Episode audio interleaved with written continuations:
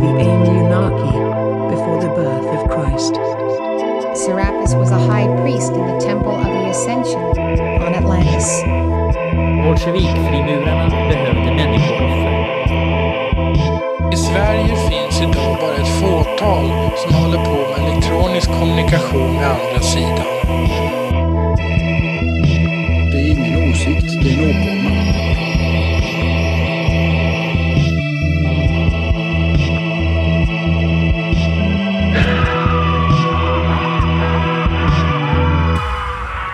Morgonen den 19 april 1911 vandrar en rasande folkmassa genom Jerusalems gator. Den väller fram rytande och skrikande mot stadens turkiska guvernörs regeringsbyggnad och blockerar dess utgång. Guvernören tittar skräckslaget ut och fruktar för sitt liv. Han ger order åt sina trupper att försöka lugna folkmassan, vilket visar sig omöjligt då den är alltför stor och för uppretad. Vid kvällen har kravallerna och förstörelsen spridit sig runt hela staden. Samtidigt smyger sig ett gäng amatörarkeologer och äventyrare undan till stadens hamn och tar sig i skydd av mörkret ut på en jakt för att gömma sig. Ja, så kulminerade den så kallade Parker-expeditionen. Och möjligtvis är det inte så ofta som en arkeologisk expedition resulterar i något liknande. Parker och hans gäng brittiska adelsmän som även inkluderade en svensk ingenjör och en finsk översättare och bibelforskare hade dock gjort något få vågat sig på innan. Att under det heliga tempelberget i Jerusalem göra utgrävningar för att finna förbundsarken och kung Salomos fantastiska skatter.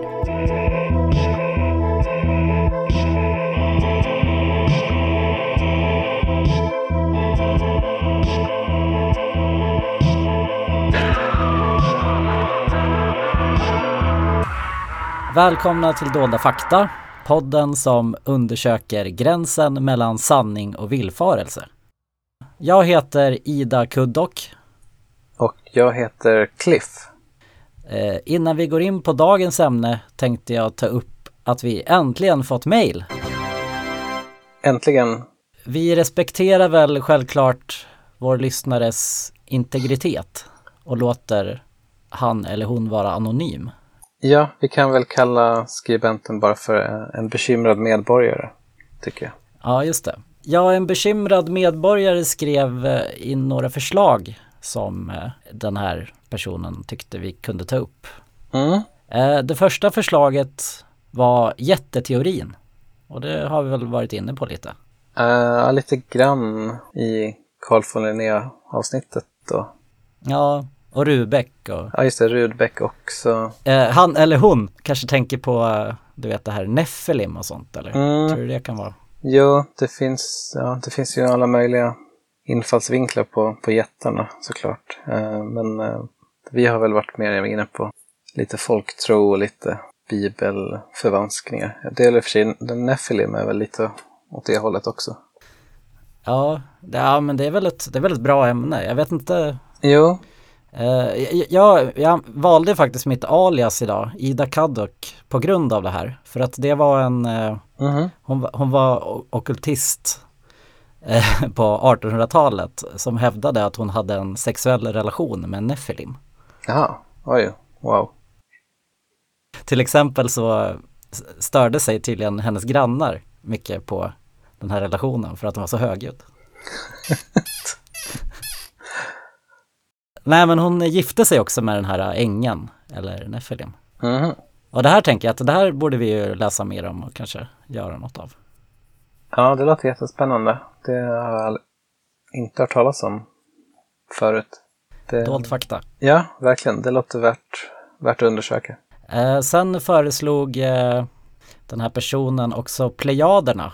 Och det skulle vi ju faktiskt ha med i vår Atlantis eh, Bonanza. Men eh, vi orkade ju bara göra fyra avsnitt. Ja, det kanske var bäst för alla att det bara blev fyra avsnitt egentligen. Men det är också ett jättebra förslag tycker jag. Plejaderna, hade, hade inte du snöat in en del på, på det där? Ja, vi la upp lite bilder på Tumblr på så här vackra, blonda, alvliknande utomjordingar. Och det är ju Det är ju, de är ju från Plejaderna då, tror vissa. Ja, okej. För jag tror du snöade in på det där och svamlade om det, men jag orkade aldrig, aldrig lyssna riktigt. Jag lyssnade med ett öra.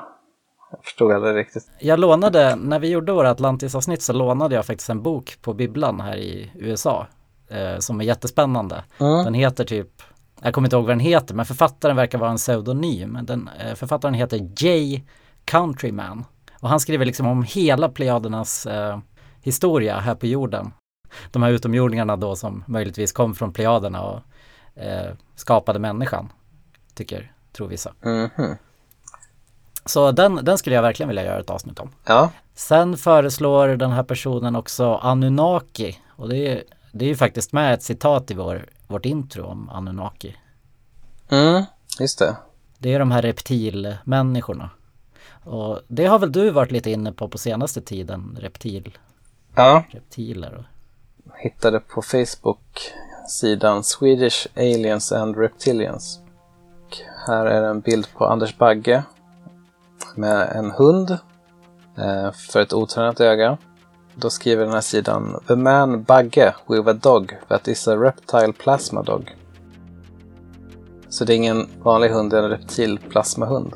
hur vet man att det är en reptil plasmahund och vad, Jo, för det, nästa sak som står här. En, enlarge the dog and see the strangeness. Så om du förstorar den här hunden ser du hur konstig den är. okej. Och den här lägger vi ut på vår Tumblr såklart och kanske på vår Instagram. Ja, det vore ju spännande att få mer bilder på Anders Bagges reptilplasmahund också om någon Mm. råkar bo i närheten av Anders Bagge. Kanske man kan ta en bild och skicka. Ja, om det är någon av våra lyssnare som gör det. Men eh, har vi ens eh, uppmanat folk att om de gillar vår podd så kan de ju följa oss på Instagram också. Där heter vi Dolda Fakta. Ja, just det. Ja. Och mejla också på doldafakta.gmail.com om man har egna förslag. Ja, det får man jättegärna göra. Eh, men eh, ja, så Anders Bagge har ju en reptilplasmahund i alla fall. Mm. Eh, står också on, on next pic, Mr. Bagge sits in his garden while big snakes hanging from tree. Maybe these snakes are the ones that shapes like the dog. Om man klickar här så får man en till bild på Anders Bagge sitter på en stol. Och så är det några träd i bakgrunden. Jag tror, jag tror det är som, som den här som skriver tror är ormar. Parentes. I have taken these pics from TV with my mobile. Anyway, when you see reptile snakes in freedom, it's just for a while, cause they are always are used to shape into things that Satan wants them to do. Ja, okej. Och sen har du också en bild på någon stackars människa som hoppar från World Trade Center när det brinner. Usch. Och så skriver den här personen bakom sidan att man ser att det här inte är en människa för att den har en reptilsvans. Okej. Eh. Eh, Ja, så, ja, men eh, Ja, men så Anunnaki är ju helt klart ett intressant ämne. jo, absolut. Det var det jag tänkte. Det var ett till förslag som är Nuabians. Jag visste inte vad det var, men det var, det var spännande också. Ja, eh, jag känner inte till så mycket heller. Det är något med... De gillar pyramider, eller vad var det? Ja, det verkar vara någon sån här amerikansk rörelse som härstammar från Black Muslims. Eh, med en väldigt karismatisk ledare som säger sig vara från yttre rymden och blanda, blanda allt möjligt Mhm. kul till någon slags, jag vet inte om det är någon, ja, en kult kanske man kan kalla det. Okej. Eh, sen visade det sig tyvärr att även om han var från yttre rymden så var han samtidigt eh, pedofil. Ja, jo, såklart. Det... Han sitter i fängelse nu för han har förgripit sig på eh, ungefär 200 barn. Oj, oj. Ja, jo, men så där är det väl alltid. Varför är det alltid så?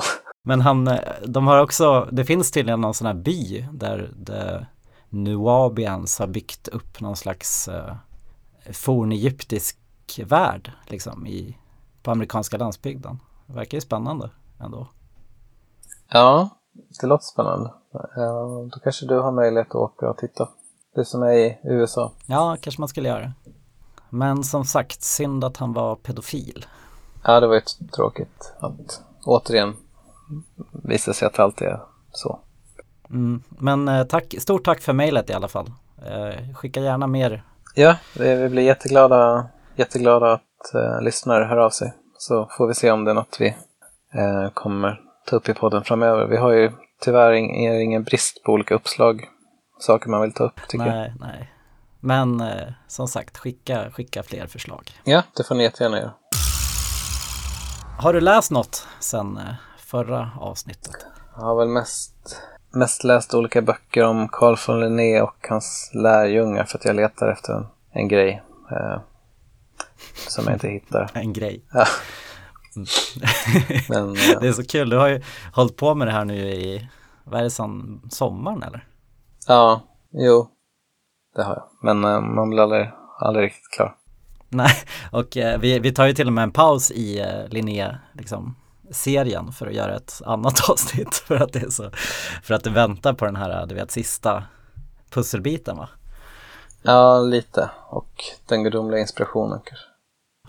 Apropå Linné, eh, jag läser den här eh, Niklas Natt och Dags bok 1793. Mm, just det, den där ja.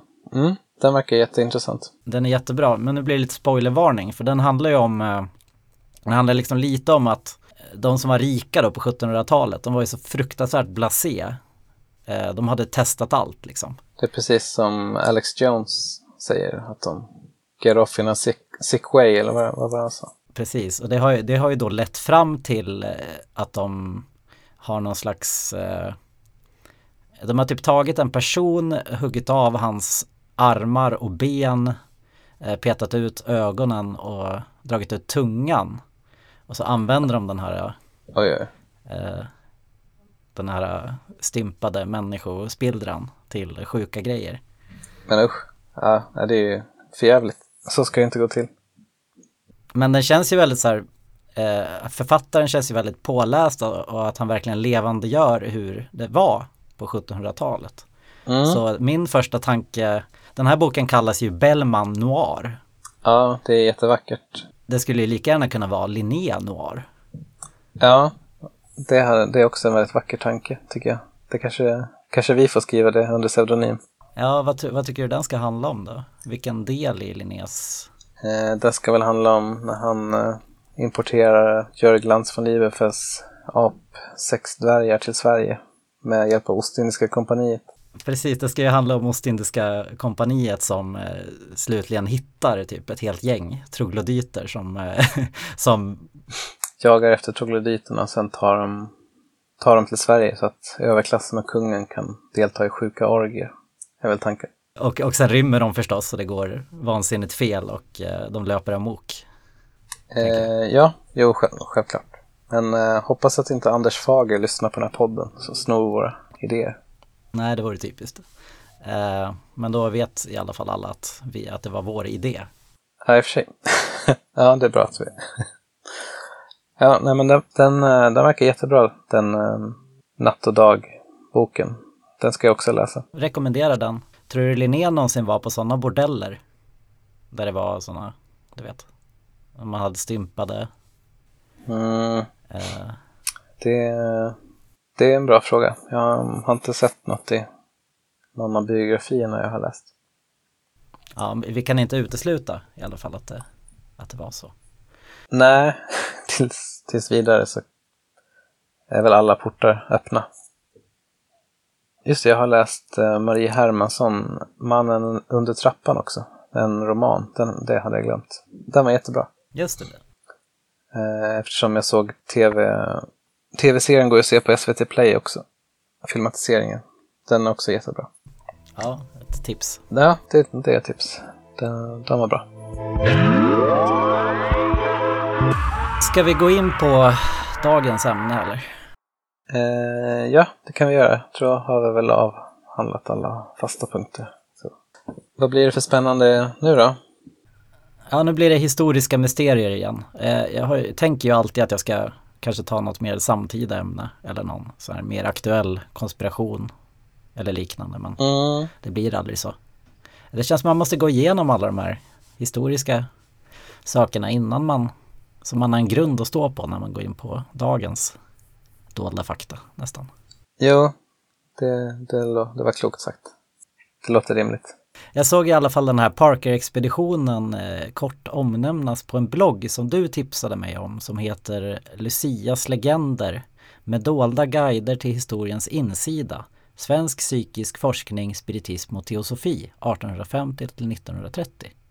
Jaha, var det, var det så du halkade in på det här?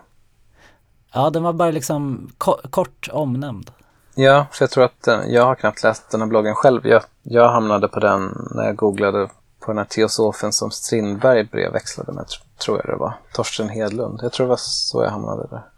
Mm, jag tycker det är en fantastisk blogg. Jättebra koll på liksom eh, ja, men, eh, 1800-talet och alla, alla svenska, svenska flummare. Ja, för jag har knappt läst bloggen själv. Jag tror jag bara skickade den till dig som jag brukar göra. Ja, men det är jag glad över. Ja, för du, du verkar ju ha gått igång på det här. Ja, jag läste, jag läste hela bloggen. Ja. Men eh, i alla, fall, i alla fall sen fastnade jag vid det här, eh, vid det här Parker-expeditionen och läste vidare och eh, hittade artiklar. Så vissa var på finska, andra på engelska. Men de var inte så många tyckte jag. Men det som var spännande var att det handlade om att det beskrivs som en inspirationskälla till filmen Indiana Jones och jakten på förbundsarken. Mm. Oj. Men det kanske det absolut mest spännande är att, att en av medlemmarna i den här expeditionen och kanske också den som startade hela, hela grejen var en finne som hette Walter Henrik Juvelius som ska ha hittat ett skiffer, ett hemligt skiffer i gamla testamentet. Mhm. Och uttytt på rätt sätt skulle det här skiffret då kunna leda läsaren till Bibelns största skatter. Det är ju spännande, eller hur? Jo, jo verkligen. Det, det här har jag aldrig hört talas om. Den här expeditionen först, först du började prata om den natt och dag i vår chatt. Du pratade inte om annat. Ja, nej men det var, det var ju väldigt kul att eh, jag läste om det här just nu också för det är faktiskt precis hundra år sedan som eh, den här expeditionen eh, anlände i Jerusalem. Så Mhm. det får man ju fira. Så det var 1919. 110 år sedan. Så 1909 alltså. ja. ja, just det. Lägga in en le- ledsen trumpet ljud. Ja, ja, men det är inte lätt med åren när man blir äldre. Nej, det blir svårare och svårare med allt tycker jag. Jo, Ju, ju längre eh, fadertid Kronos eh, förtär en. jo, tidens tand gnager obönhörligen. Men eh, 100, 110-årsjubileum alltså. 110-årsjubileum ja. Mm. Men eh, jag tänkte börja med att gå in lite på källläget. Ja, hur ser det ut? Ja, det, det som visade sig var eh, liksom den moderna ursprungskällan till hela den här historien. Mm. Det var en artikel i tidningen Biblical Archaeology Review från 1980, så den är ganska gammal den också. Ja, nästan 110 år. Ja, vad blir det? Den, den heter i alla fall In Search of Sullivan's Lost Treasures och är skriven av Neil Asher Silberman. Jag fick köpa en prenumeration på den här tidningen för att kunna läsa den. Jag kommer inte, det var ganska dyr, Oj, men Wow. ja, vad gör man inte? ja verkligen. Men det, det kanske du kommer ha glädje av senare också, den här tidningen. Ja, visst. Ja, vad sa du om den här artikeln? Mm, att den har ansetts tumma lite på sanningen. Ja, det, det, det låter lovande. Till exempel då av David Landau som skrivit en artikel som heter Information on Walter Henrik Juvelius in Finnish Sources. Den är väldigt bra faktiskt. Det, det, han verkar vara verksam i Finland den här artikelförfattaren. Mm. Så att det kan ju vara så att den här äh, Silberman bara inte kunnat finska och därför, du vet, spekulerat lite. Ja, okej. Mm. Jag har också använt mig av en artikel i Nexus Magazine som är en australiensisk konspirationsteoritidning. Ja, det känner jag igen. Det känner jag igen. Jaha, okej. Ehm, det fanns ju en svensk, svensk variant av den också, som också hette Nexus, en tidning i alla fall, som började som New Age och sen blev det bara nazism och förintelseförnekande på slutet. Aj då, okej. Ehm, något sånt. Så det låter lovande.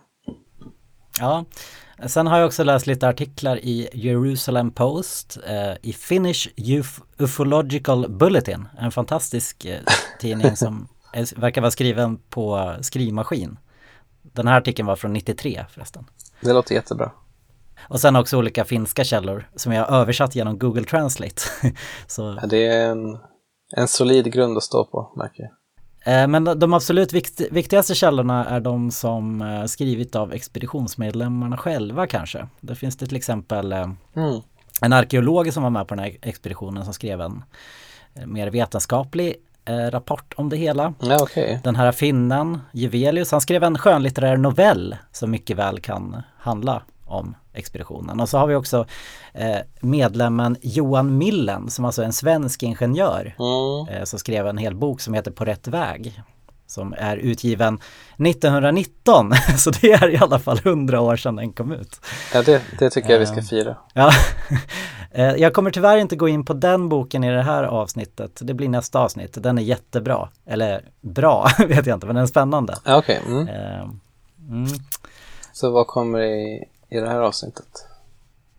I, I det här avsnittet kommer det handla om den här finnen mest och hans liv och gärning och också en sammanfattning av vad som hände med expeditionen. Jag har satt ihop alla olika artiklar jag läst för att försöka få en tydlig bild av händelseförloppet.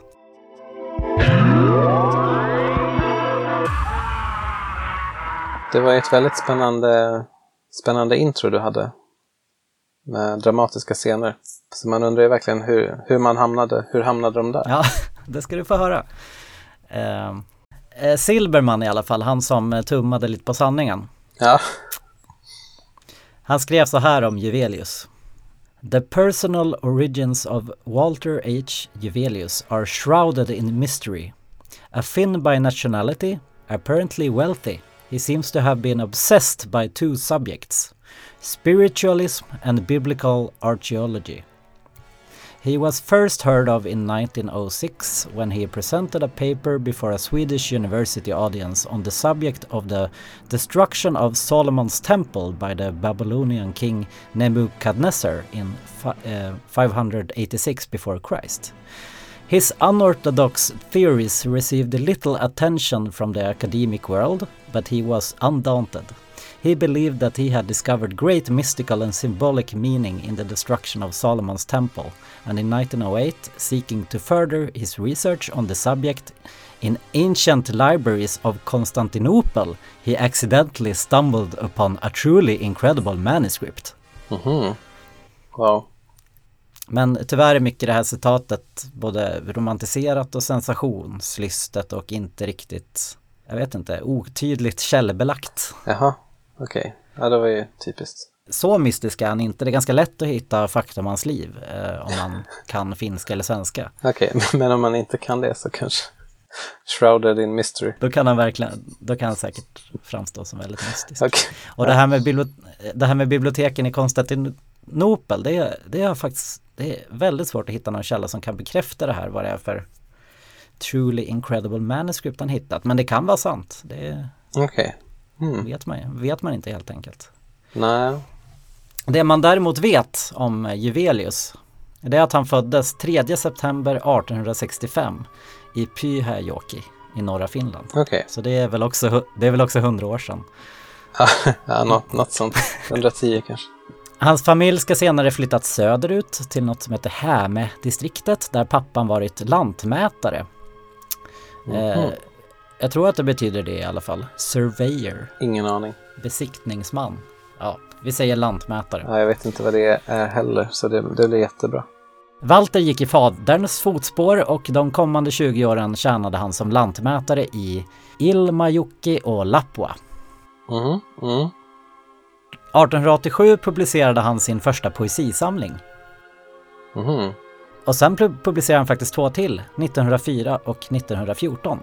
Alla de här handlar om byar och städer i bondefinland med liksom vardagsteman och inget om det här med spiritualism och sånt som Silberman nämner i artikeln. Nej, okej. Eh, tyvärr. Mm. Han är lite känd den här Juvelius. En av hans dikter som heter Karjalan Kunnaila, Karelens kullar, är fortfarande känd i Finland. Men det, så här lät som mera jordnära teman då, de här dikterna. Är det typ bänkvälling och sånt där? Ja, precis. Vid sidan av poet var han också översättare. Han har översatt eh, to- Tobelius och Runeberg och Goethe och Byron och Poe och sånt där. Och de finns fortfarande kvar, hans översättningar, eh, under namnet Walter Juva. Så det verkar ju varit ett ganska jordnära och stillsamt liv. Men det är ju möjligt då att han hade fler strängar på sin lyra. Att det som vanligt brann en rasande eld under den här lugna ytan då. Ja, det... Så kan det vara. 1888, då tog han också en kandidat i filosofi och jag har tyvärr inte hittat något om vad det handlade om för ämnen där. Men precis som Silberman skriver så la han fram en doktorsavhandling 1906 skriven på svenska Okej. vid dåvarande finska kejserliga universitetet Alexander som nu är Helsingfors universitet. Och den hette i alla fall Judarnas tideräkning i ny belysning och den har jag faktiskt läst. Jaha, wow. Hur fick du tag på den? Den var ganska lätt att hitta genom, det var säkert KB eller något i den stilen. Okej, men eh, har du, fick du den digitalt, eller hur? Ja, jag fick en pdf. Okej. Ja, coolt.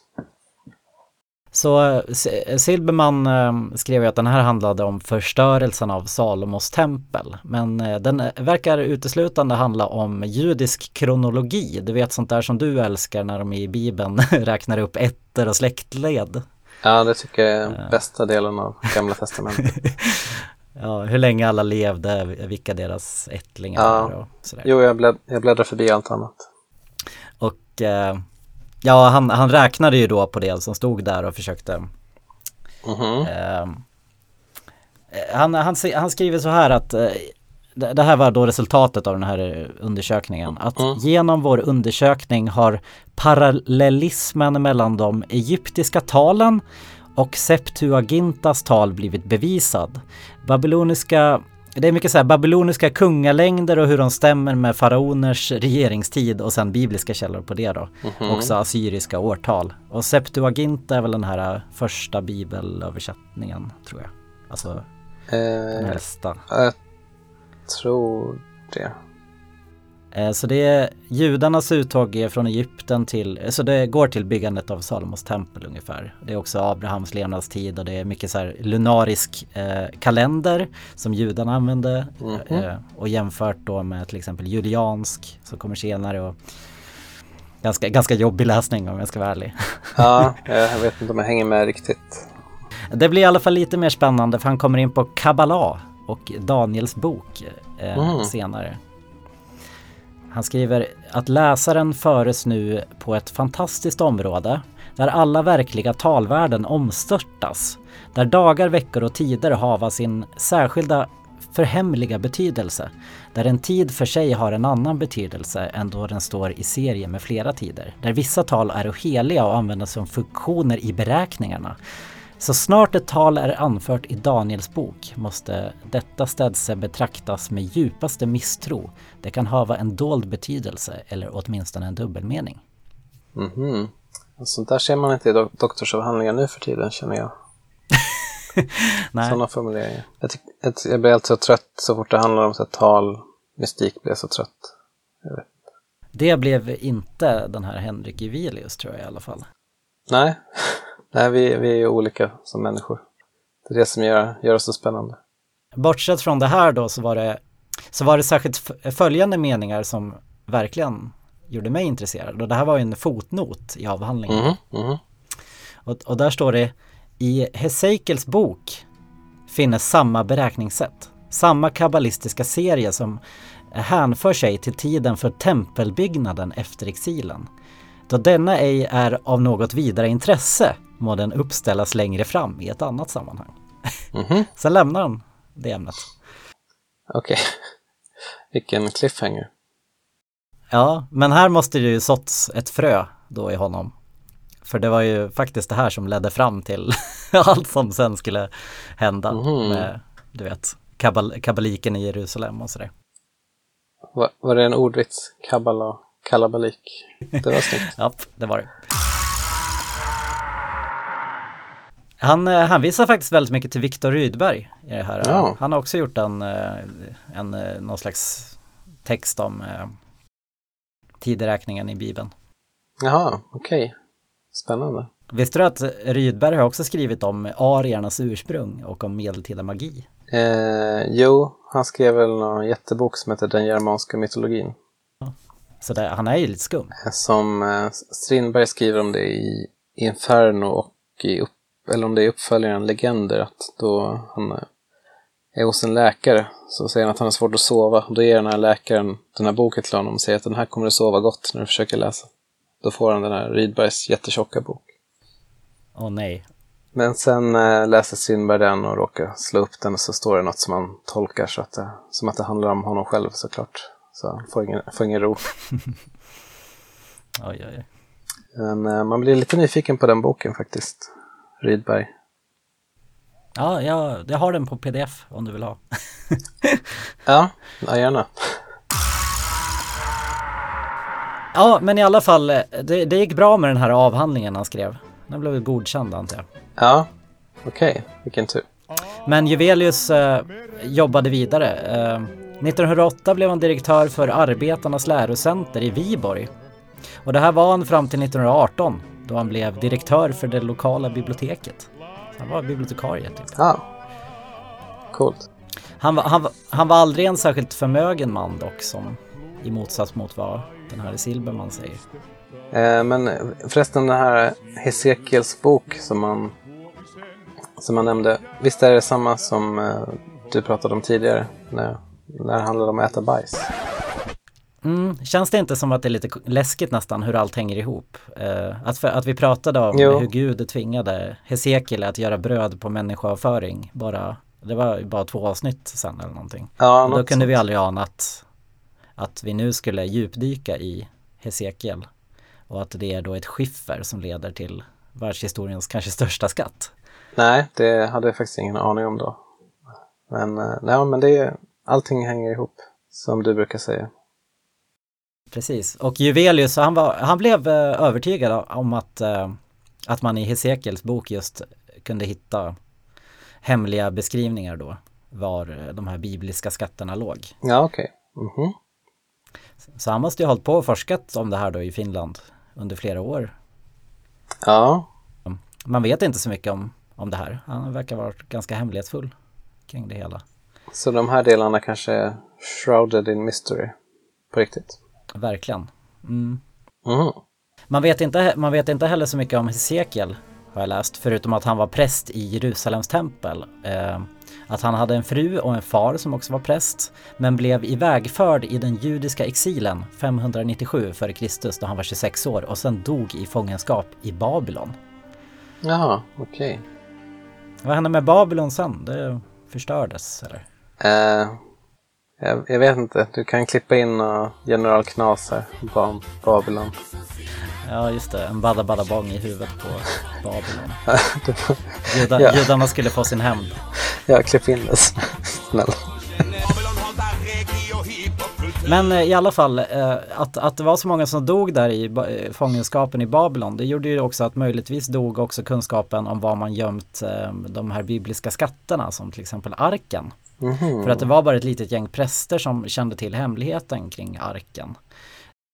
Men Juvelius trodde att de använt Bibeln för att i kod bevara den här hemligheten. Ja, okej.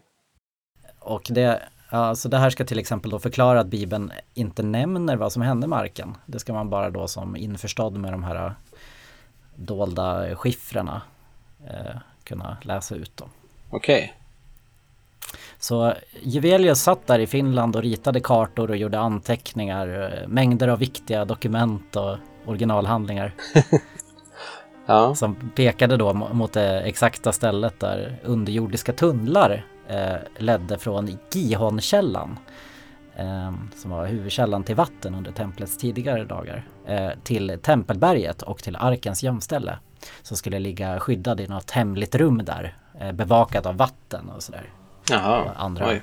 andra mysteriska saker som vi kommer in på senare. Wow. Eh, Juvelius var jätteintresserad av en tunnel. Eh, under assyriernas belägring av Jerusalem 701 f.Kr. så byggde kung Hesekia av Juda en tunnel för att få åtkomst till Tempelberget och använde Siloam-dammen som reservoar. Och Juvelius var intresserad av eh, det här tunnelsystemet känt som Hesekias tunnlar som faktiskt upptäcktes 1836 plus grottsystemet kallat Warrens Shaft som hittades 1867 av engelsmannen Charles Warren. Men hur han skulle undersöka det här otroligt heliga stället från andra sidan världen, det var lite oklart. Ja. Som tur var så var han en väldigt driftig man som inte bara satt hemma och ältade eh, liksom något som kanske verkade omöjligt utan han tog verkligen tag i det. Ehm, Jaha, wow. Ja, imponerande. Mm. Dels ska han ha åkt på en slags eh, rekognoseringstur till Jerusalem eh, som han faktiskt skickat vykort hem till Finland till sin far från Mhm. som ska finnas bevarade någonstans. Och sen reste han runt i Europa för att hitta likasinnade eh, som ville gå med honom på hans På företag. hans eh, knallhattsforskning. Precis. Och det var, gick bra. Jaha. Han bildade ett företag i London 1908 med namnet JMPFW LTD som bestod av initialerna till expeditionens originalmedlemmar som då var Juvelius, Millen, Parker, Forth och Wagan. Okej. Det var inte så catchy namn på ett företag, men eh, det var kanske, kanske var ett rättvist namn. Mm. De kanske inte ville ha ett så här tydligt namn heller på vad de höll på med. Eh, det låter ju för sig rimligt. Men alla, alla utom Juvelius och den här svensken var engelska adelsmän. Eh, och det här antar jag att han hoppades skulle öka hans chanser då, till exempel för att finansiera expeditionen. Och eh, också att få tillstånd av den turkiska regeringen som på den här tiden styrde över området. Eh, Jerusalem var ju under ottomanskt styre Ja, just det. Det var ju, just det, ottomanska. Mm. från 1500-talet fram till början av 1900-talet. Det var väl, eh, det hände något skifte där i, efter första världskriget har jag för mig. Men... Eh, ja, det var väl britterna. Tog, tog inte britterna över sen? Jag tror det. Eh, ledare för gruppen blev i alla fall den här Captain Montague Parker som var en son till en engelsk hertig och, och han var också krigsveteran från Boerkrigen, Parker. Ja, okej. Så han hade sett en del och gillade spänning kan man anta. Så Juvelius lyckades övertyga honom att han hade det här hemliga skiffret och att det skulle leda dem till arken och massa andra skatter som han värderade till 200 miljoner amerikanska dollar. Oj, vad, hur, hur... Det är jättemycket pengar, men hur, hur räknar man ut det? Undrar jag. Ja... Eh, jag vet Ja. inte. Nej, det, det är bara en liten tanke. En uppskattning, ja. Men Parker lyckades i alla fall få ihop 125 000 dollar från olika engelska och amerikanska finansiärer som är då flera miljoner pund i dagens värde. Så det var ju duktigt. Ja, Eh, jag undrar hur han sålde in det. ja det, det undrar jag också verkligen. Eh, och Juvelius och Parker möjligtvis ihop då begav sig till Kons- Konstantinopel eh, för att få utgrävningstillstånd från den ottomanska regeringen och ska ha lyckats. Så det är ju ännu mer spännande hur de lyckades få till det här tillståndet. Eh, det, det sägs att de lovade halva skatten. Jaha. Jag tänkte att de hade skrivit några väldigt bra inlagor som de lämnade in till berörda myndigheter. Men eh, det här med skatten kanske var mer troligt. Skatten var deras USP. Så, halva skulle så myndigheten skulle få halva skatten. Mm. Så det blev, vad, alltså, mycket, vad sa du att den var värderad till? 200 miljoner amerikanska dollar.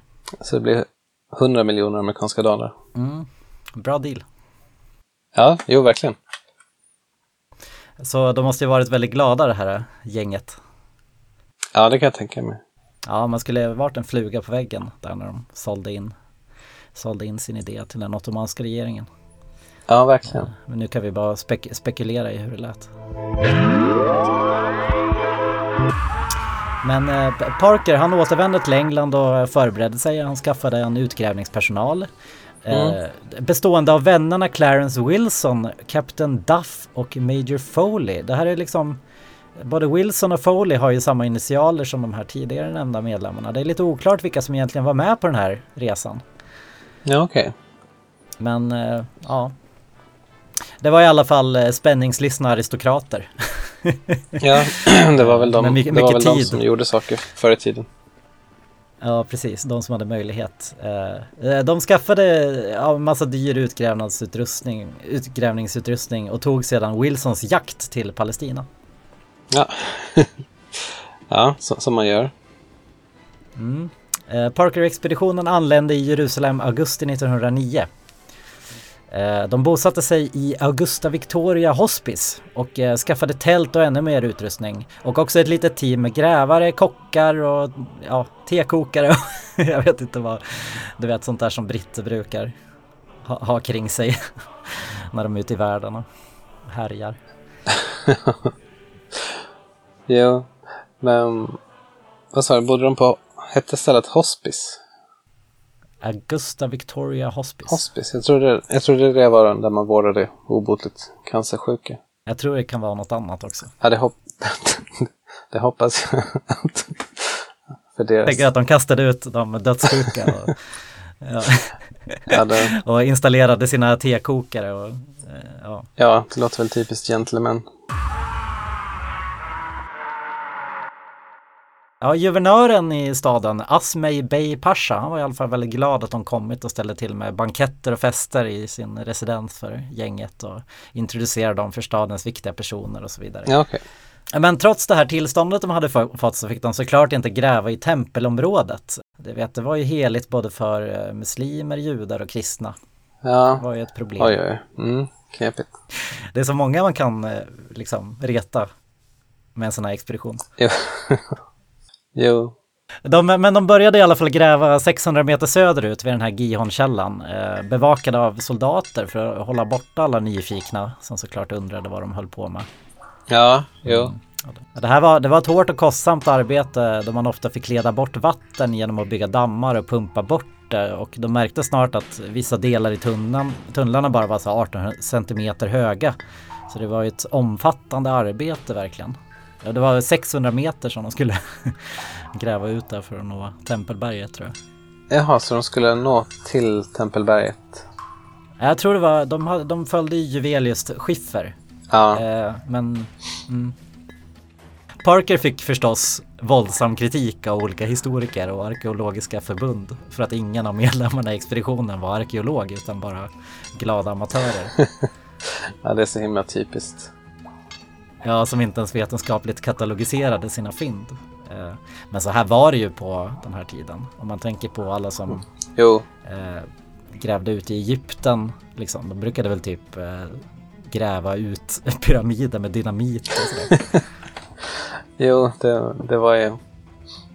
Det var väl tyvärr så det var. Det var andra, det var sådana tider. Jo, Men de blev faktiskt, eh, de, för, för att verka mer seriösa så anställde de den franska dominikanen Vincent och någon som hette Sabignac som var fotograf av École Biblique som då tillsammans på ett vetenskapligt sätt dokumenterade de här tunnlarna och kanalerna. mhm. Men det sägs att Parker aldrig avslöjade expeditionens verkliga syfte för de här två. Så de var, ja. Men eh, det här gjorde i alla fall att de kunde fortsätta gräva trots missnöjet hos så många i staden. Ja, okej. Mm. Sen finns det två versioner om vad som hände. Den ena är att de grävde sig djupare och djupare under tre år genom labyrinter och tunnlar. Mhm. De ska ha hittat giftig gas som orsakade brännskador och yrsel som kanske då var fällor. Men vissa menar att det bara var naturgas. Okej. Eh, De hittade vaser, urnor och lampor och artefakter med Salomons märke. De hittade Salomo, Salomos tron. Va? Oj. Men viss, eh, andra menar att det bara var en stol. Någon slags enklare. Men ja, i den här första, första versionen så kom de då närmare och närmare förbundsarkens gömställe eh, för varje dag. Och kanske hittade de den också. Wow.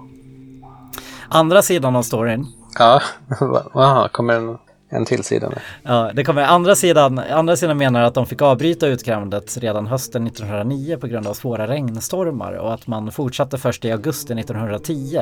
Eh, att man fann vissa artefakter som man fotograferade och Vincent ritade också kartor av de här vattensystemen som eh, fortfarande används av arkeologer och forskare. Att Vincent beskrev också flera gamla gravar som de hittades och eh, kunde faktiskt genom det här bevisa platsen för Jerusalem, alltså Kung Davids stad, gamla Jerusalem genom den här expeditionen. Så det var inte så pjåkigt för den enda som verkligen var arkeolog. Ja. Men den här versionen menar också att tunnlarna istället le- ledde dem bort från Tempelberget. Mhm.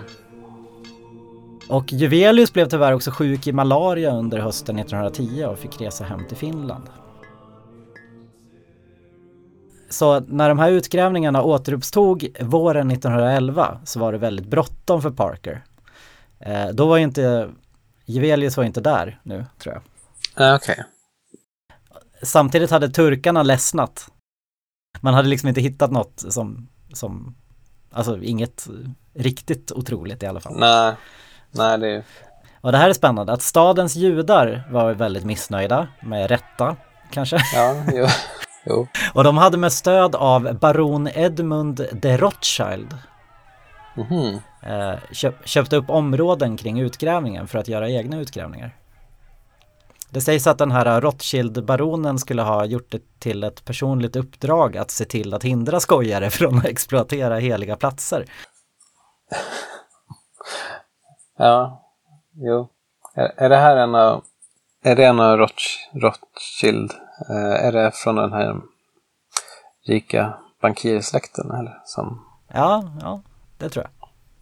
ja, de är ju favoriter för alla möjliga, ja, som gillar konspirationsteorier. Mm. Såklart. Alltså det är kul att de dyker upp redan Ja, här. jo, spännande. början av 1900-talet. Mm. Ehm, ja, men turkarna sa ju i alla fall att nu har ni bara till slutet av sommaren på er att hitta något. Eller till november var det, 1911. Så eh, Parker var ju stressad såklart. Ja, jo. Och stress leder ju ofta till, eh, du vet, handlingar som kanske inte är sådär noga uträknade. Ja, jo. Jo, det är sant ju. Ja, Juvelius gjorde sig redo för att resa tillbaka då i Finland. Men innan han ens hann åka så fick han i tidningarna läsa om en skandalartad utveckling. Jaha, oj, jaha. Det som hade hänt var då att Parker, stressad som han var, hade övergett Julius Schiffer eh, och börjat gräva lite på måfå. Jaha. Okej. Tro, trodde han att det skulle bli bättre? Eh, Kanske inte helt på måfå, ända sedan de första dagarna av expeditionen säger vissa källor att eh, de också förlitade sig på en vision från en irländsk eller dansk klärvoajant person då. Jaha. Jaha, så, så det var inte på måfå? Nej, eh, och han hävdade då att han hade sett gömstället under en seans. Så han eh, pekade det väl Parker då någon, någon annanstans kanske. Okej, och den här clairvoyanten var irländsk eller dansk? Ja, det är olika i olika källor. Okej, Ja, Ja, I, I vissa källor är det Juve- eh, Juvelius som har kontakt med det här mediumet och i andra är det Parker. Så jag vet, jag vet inte riktigt hur det var. ja, Jag vet inte, vet inte varför Juvelius skulle behöva ett medium om han nu hade hittat det här skiffret. nej, det låter... Men om det var ett danskt medium då kan du klippa in lite, lite från riket? här. pigen igen i elevatoren. Snart er hun der. Snart er hun ikke. Jo, det är ohyggeligt.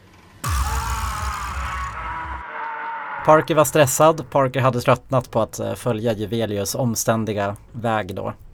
Som verkade peka bort mot, från Tempelberget. Där de, de trodde ju skatten var i, i eh, under Tempelberget. Och eh, eh den här seansen fick också möjligtvis eh, ligga till grund för utgrävningarnas sista försök där eh, våren 1911. Det hände mycket här. Rapporterna som Parker brukade skicka till sina finansiärer, de slutade abrupt vid den här tiden. Okej. Det verkar som att han verkligen började köra sitt eget race. Mm. Så eh, han tog tillfället i akt under den grekisk-ortodoxa påsken eh, och också Nabi Musa-festivalen som inföll samtidigt. Det var många alltså religiösa festligheter i Jerusalem. Eh, både i staden och utanför. Och folk var väl då lite upptagna, kan man tro. Ja, ja, mm. Genom den här guvernören så ska han ha mutat Sheikh Halil som var ledare för moskéerna vid Tempelberget för eh, 25 000 dollar. Oj, det, det låter så mycket pengar på den tiden. Det här gjorde det i alla fall möjligt för Parker och hans gäng att gräva under själva klippdomen. Alltså otroligt helig plats. Jaha, oj. Eh, Så Parker och hans gäng de klädde ut sig till araber och började gräva eh, vid Salomos stall. Okej, vad, vad är det för... Är det något spe, speciellt ställe? Eller vet du vad det är? Är det någon speciell plats? Nej, det ligger där vid Te- Tempelberget i alla fall också. Fruktansvärt heligt Ja. ställe som man absolut inte får gräva. gräva Ja, det, för- det, förstår jag. det förstår jag. Ja men eh, och eh, de höll på så här en vecka då och härjade där i de här, ja du vet, otroligt heliga ställena. Och eh, till slut var de övertygade att de hade hittat arkens gömställe. Jaha. Wow. På natten till eh, april, 17 april 1911 gick Parker och hans män utklädda in i själva klippdomen. Eh, De fokuserade på en naturlig grotta de funnit under den heliga klippan som ska vara platsen där Mohammed steg upp till himlen på sin häst. Och hästens fotavtryck ska fortfarande finnas kvar där på den där klippan. Eh, Det här är också stället där, enligt judarna är det här stället där Abraham skulle offra Isak. Oj. Och också menar andra att det här är också en passage ner till jordens inre som är fylld av andar och demoner och fantastiska skatter. Så ja, det, Eh, Oj, jaha, det var mycket, mycket ja, det är my, my, mycket, mycket just där i klippdomen Ja. eh, jag förstår det. på Tempelberget. Ja, de firar ner sig där i grottan och börjar gräva. Mm. Klinkar och klonkar. och eh, trots att de hade, ha- hade gjort det här mutarrangemanget då så sov tyvärr en av moskéns vakter på stället. Och han var möjligtvis inte införstådd med det här privata arrangemanget Parker hade gjort. Aha. Och blev, han blir väckt av oljudet från utgrävningarna. Han, han springer dit, se, ser de här lustigt klädda engelsmännen. Ja, man kan ju bara ana hur, hur de var utklädda. Eh, Jo, med turbaner och ja, ja, det låter problematiskt. Mm. Och, och istället för att rapportera till en överordnad då som då hade sagt att det är lugnt, de har, de har, de har betalat, de har rätt att vara där. Så sprang han ut på gatorna och började vråla om helgerån. Åh nej. Eh, och, ja. Så det här slutade ju inte, slutade ju absolut inte bra. Eh, Vissa menar faktiskt att han blev tipsad av en i expeditionen som i själva verket var spion. Det är många, många turer kring det hela. Mm, mhm. I alla fall ledde det här till det här våldsamma upploppet som jag nämnde i introt till dagens program. Där Ja. den turkiska överheten hade svårt att hålla koll på massorna. Det ska ha varit flera dagar av eh, vilt raseriutbrott. Mhm. Oj. Så eh, Parker och hans gäng smyger iväg genom staden utklädda till araber eh, Mm. till sin jakt. Livrädda förstås. Ja, det kan man förstå. Kan, kan man ju tänka sig att det är liksom det är, inte, det är muslimer, det är judar och det är kristna som rasande letar efter dem där på gator och torg. Ja, det Med högafflar och, och facklor. facklor. Och, Ja, jag tänker... Ja, tänker någon Kalankas Pocket-äventyr, att det såg ut som sånt. ja men verkligen. Eh, Men de, de lyckas smyga därifrån i alla fall. De eh, åker, åker, åker iväg med sin jakt då mot Jaffa. Mhm. Där nyheterna om deras expedition tyvärr nås, når staden innan de kommer dit. Så Parker blir arresterad. Jaha. Anklagad för att ha stulit eh, kung Salomos krona och ring. Jag kommer ihåg kung Salomos ring. Den pratade vi om i Moseböckerna avsnittet där. Att det var den, möjligtvis den som man kunde trolla med. den. Ja, jag minns den minns jag tyvärr, tyvärr inte. Men eh, den, var, den var säkert jättebra. Inte bara kung Salomos krona och ring. Det var också förbundsarken och Mohammeds svärd med mera. Oj, det är vilken, vilken samling. Men Parker nekade till det här. Jaha. Och eh, bjöd faktiskt in eh, poliserna eller vad det var till jakten. Men innan de hann komma till jakten så försvann de. De flydde. Eh, Misstänkt beteende. Men det var, det var alltså alla de här föremålen som skulle ha varit värda 200 miljoner dollar. Mm. Som man då inte riktigt vet om de verkligen hittade. De nekade ju till det men klart man gör det om man hittar dem. Det, det är för sig en bra poäng. Eh, ja, Parker menade att det här bara var illasinnade rykten i alla fall. Det här om att de hade tagit alla de här skatterna. Eh, spridda av pressen och illasinnade personer i Jerusalem. Kanske Rothschild till exempel. Ja, Eh, och, att, och att de mest funnit keramik och den här gamla stolen då. Om det nu var kung Salomos tron eller inte, det vet vi inte. Ja, ryktena fortsatte bara såklart. Det är ju så en jävla bra story. ja, Eh, e- Efter återkomsten till England då så, ja, ryktena dog inte. Eh, De, de ska också, ryktena sa också att de ska ha undkommit med he gamla hemliga dokument som skulle ha beskrivit Mohammeds nattliga färd samt också bevisa Jesus återkomst. ja, det är verkligen, verkligen inte lite det heller. Parker översatte snabbt den här Vincents vetenskapliga rapport faktiskt för att hindra den här ryktesspridningen men det, det gick inte så bra. Nej, I den här rapporten förresten, där nämns inte ens Juvelius. ja, Så det kan ju stämma det här att de höll det hemligt för, eh, för den här Vincent om eh, expeditionens riktiga syfte. ja, Men om de hittade de här skatterna så ska det i alla fall inte ha ändrat den här Parkers livsstil.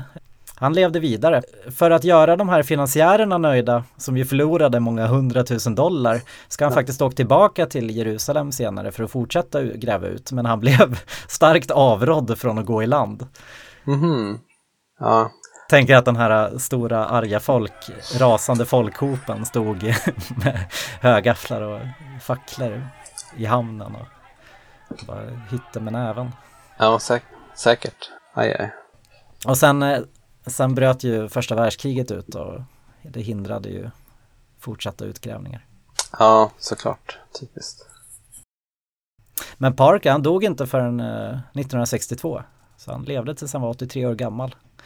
Och man kan ju bara tänka sig vad som liksom försiggicks i hans hjärna resten av livet efter det här fiaskot. Verkligen. Men eh, ja, det finns spår av eh, den här expeditionen fortfarande i eh, Jerusalem. Parker ska ha haft en dagbok faktiskt. Jag undrar vad som har hänt med den. Den skulle man ju vilja läsa. Eh, Där skriver han att på grund av hans, att han var tvungen att fly eh, så lämnade han kvar sin älskade pipa och också några hinkar och lite så utgrävnadsprylar. Eh, Okej. Och de ska, de ska man då hittat senare när 1997 så gjorde man någon utgrävning där och hittade hans gamla prylar. Mhm. och st- fortfarande idag så kan man se hans pipa och de här hinkarna om man går en tur då, en sån här guidad tur av det här området. Så Jaha, är det sant? Wow. vore kul att göra någon gång. Ja, eh, det är väl bara att skaffa Patreon som sagt till podden. Så vi kan åka och gräva ut Tempelberget. Och så startar jag ännu ett sånt här upplopp i Jerusalem. Ja, efter att vi har varit i kyrkan i Gamla Uppsala och letat efter Atlantis. Som det är väl det vi ska göra först. Efter vi har lyckats hitta Atlantis så eh, åker vi och löser mysteriet med eh, de bibliska skatterna och förbundsarken. Precis, men då behöver vi hjälp från, då behöver vi hjälp från våra lyssnare som sagt.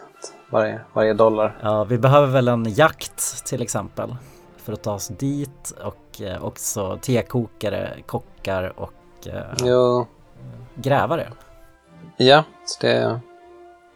Vi behöver pengar. Ge oss pengar. Du, du undrar förstått vad, också vad som hände med Juvelius efter det här? Han åkte ju aldrig tillbaka. Ja, jo det undrar jag. Eller man vet, man vet inte. Eh, åkte han tillbaka? Vem vet? Eh, Juvelius återvände till Finland och arbetade vidare som lantmätare och blev sen eh, chef där på biblioteket. Eh, han skrev en bok 1915 under namnet Heikki Kenta, Heikki Kenta. Eh, den hette Mahengen Salaisus. Och det var någon av de här Ja. amerikanska källorna som hade översatt det till The Secret of the Terrestrial Spirit. Va? Oj. Eh, Mm. Men sen Ja, men sen kollade jag det här med mina finska släktingar. Ja. Ja, de sa tyvärr att det bara var en vanlig deckare. eh, jaha. eh, Jordeandens hemlighet. En doktor som detektiv. Ja, men det var väl typ vad han sa på engelska också. Ja, jo, det är faktiskt Fast inte det där med- Men det låter ju spännande när man utelämnar det här Att det var en med, detektiv. du vet, det här. Roman. Ja. Men kan inte du kan inte du be någon av dina finska släktingar läsa den? Eh, jag har faktiskt, jag har hittat boken på pdf och jag har översatt den med Google Translate. Jaha. Det är lite svårläst. Kommer du läsa upp den nu? Mm. Ja, men jag har gjort samma, bok, eh, samma sak med en senare bok han skrev som heter eh, Valkoinen Kameli, The White Camel, som är en samling korta historier. Eh, och i eh, en, bland de här korta historierna så finns det en skönlitterär beskrivning av hans, liksom, hans sida av vad som hände på expeditionen. Och den kommer jag prata om i nästa avsnitt. Det är faktiskt jättespännande. Ah. Wow. Mm. Så han, han har, Juvelis arbetar vidare på det här biblioteket i Viborg eh, mellan 1918 till 1922 och dör i cancer i halsen juldagen 1922, 57 år gammal. Mhm. Han ska ha begravits med den här hebreiska bibeln med, vilka, med vilken han gjorde sina avkodningar. Eh, Okej. Så, eh, ja. Jag antar att komma, komma till botten med allt det här så måste man öppna hans grav. Jo, eh, men då behöver vi hjälp från våra lyssnare som sagt. För att om vi ska ha råd, råd att ta Finlandsfärjan, Öppna en grav, skända en grav. Precis som Linné. Det är väl, eh, det är väl ganska billigt att skända en grav. Men färjan, färjan kostar. Eh, hans papper togs hand om av hans familj. Eh, och vad de här innehåller, det ska, tänkte jag också ta upp lite senare faktiskt. Ja, vet, vet man det eller kommer det bara bli spekulation? Mm, man, vet faktiskt, man vet faktiskt lite om det här. Man vet, dels så skrev Juvelius den här skönlitterära novellen, Mm.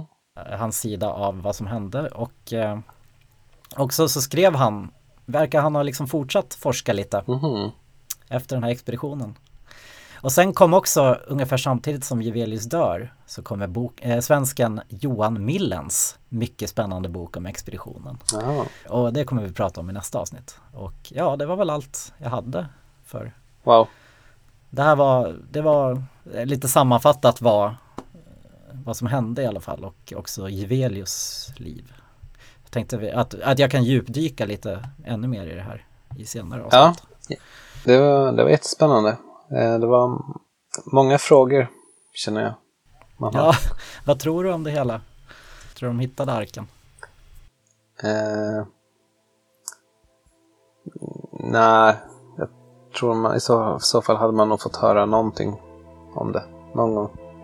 Ja, vi får se vad du tror efter nästa avsnitt helt enkelt. Ja. Vi får se när det kommer. Kanske kommer ett Linnea-avsnitt emellan, vi får se. Eh, ja, det, det visar sig.